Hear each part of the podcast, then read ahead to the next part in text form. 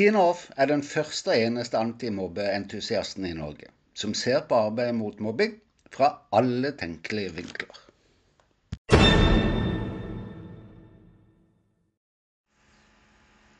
Det er én ting jeg skulle ønske vi prata mer om, nemlig alt vi legger skylden på skolen for. Ja, for noen ganger er det ikke vanskelig å være enig med alle som forsøker å legge skylda på skolen for alt som går galt, f.eks. i mobbesaker. Det er altfor mange barn og unge som opplever mobbing på den ene eller den andre sida, og som tilskuere. Altfor mange som blir alt annet enn beskytta eller ivaretatt, som jo er poenget med den nasjonale tiltaksplanen mot mobbing.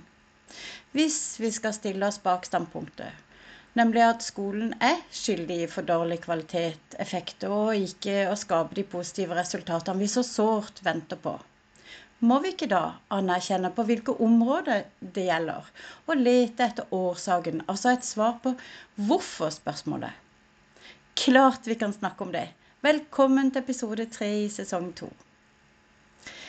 Cirkatallene vi har for barn og unges uhelse. Opplevelsene av krenkelse, mobbing, trakassering og diskriminering. De mange som ikke makter skolehverdagen, som sliter med manglende imøtekommelser på sine konkrete og mindre konkrete behov på bakgrunn av diagnoser og eller funksjonsvariasjoner osv. osv. krever at vi fortsetter å snu steiner i vårt arbeid for å finne ut hvor og hvordan vi kan sette inn støtet for å skape forbedringer.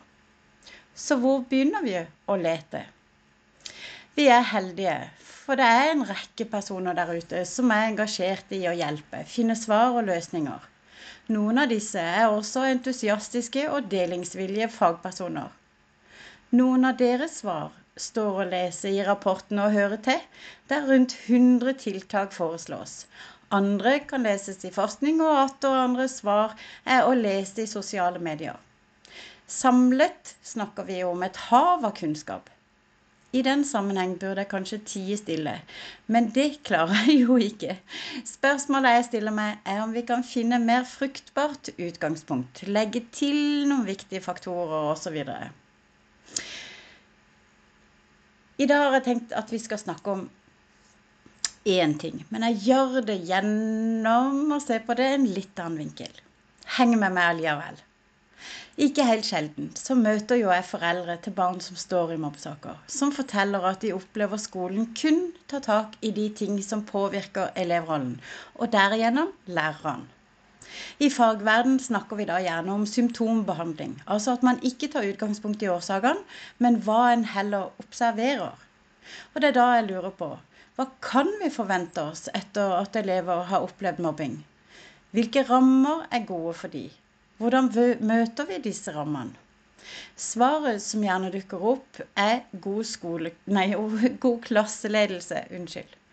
Hva om vi holder fokuset på foreldrene, og det som gjør at de reagerer på symptomhåndteringen de opplever? Det foreldre nemlig gjør i situasjonen, det er å lete etter svar på hvorfor-spørsmålet. Hva er det som gjør at deres barn f.eks. utagerer, trekker seg inn i seg sjøl, plutselig ikke gjør lekser, eller dropper mange karakterer, eller at venner forsvinner, osv. De leter etter hva som skjer rundt og med barnet deres, etter forklaringer, for å forstå handlingene eller mangler på handlingen. Og foreldrene de gir seg altså ikke før de finner svar. De gjør mye av jobben for skolen, tenker jeg da. Og det som er fint, er at de gladelig videreformidler sine svar til skolen. Det betyr imidlertid ikke at det, eh, at det akkurat er de svarene som gjelder som årsak for skolen. Det er ikke det jeg sier. Men foreldrenes svar gir indikasjoner om hvilke situasjoner, på hvilke områder også skolen bør lete etter sine svar på hvorfor-spørsmålet. Det er derfor jeg sier at foreldre er eksperter på å fange opp endringer hos sine barn, som er så viktig for skolen å få informasjon om. Avviser vi den informasjonskilden, kan vi gå glipp av mye, og klokka tikker unødvendig lenge før barnet får hjelpen som det trenger. Og da er vi over til akkurat dagens poeng.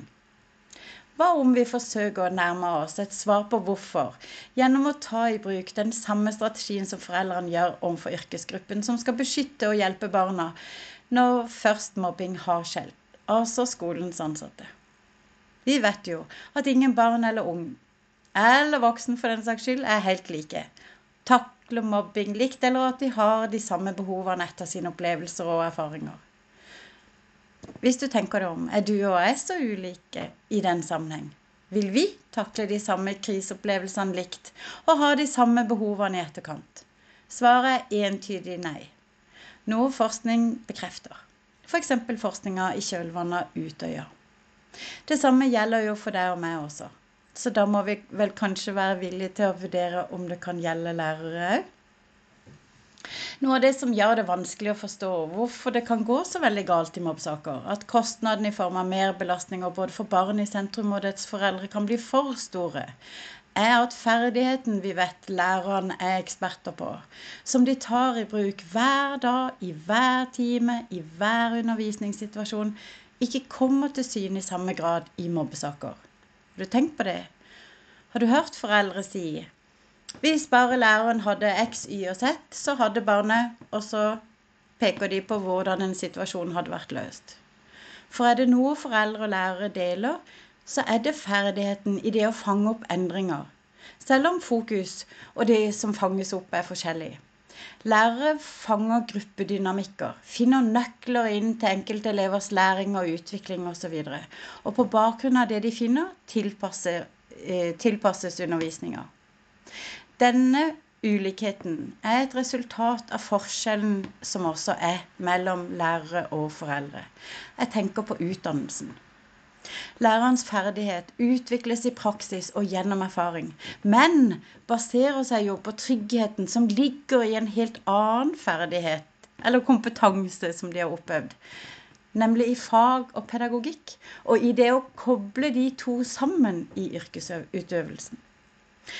Når lærere møter ulike fenomener, diagnoser osv., hvilke ferdigheter tenker vi at vi skal skape tryggheten deres da? Det er her jeg tenker vi nærmer oss kjernen. Uten fag eller pedagogikk å lene seg på blir kanskje lærere kanskje ikke så forskjellige fra foreldre.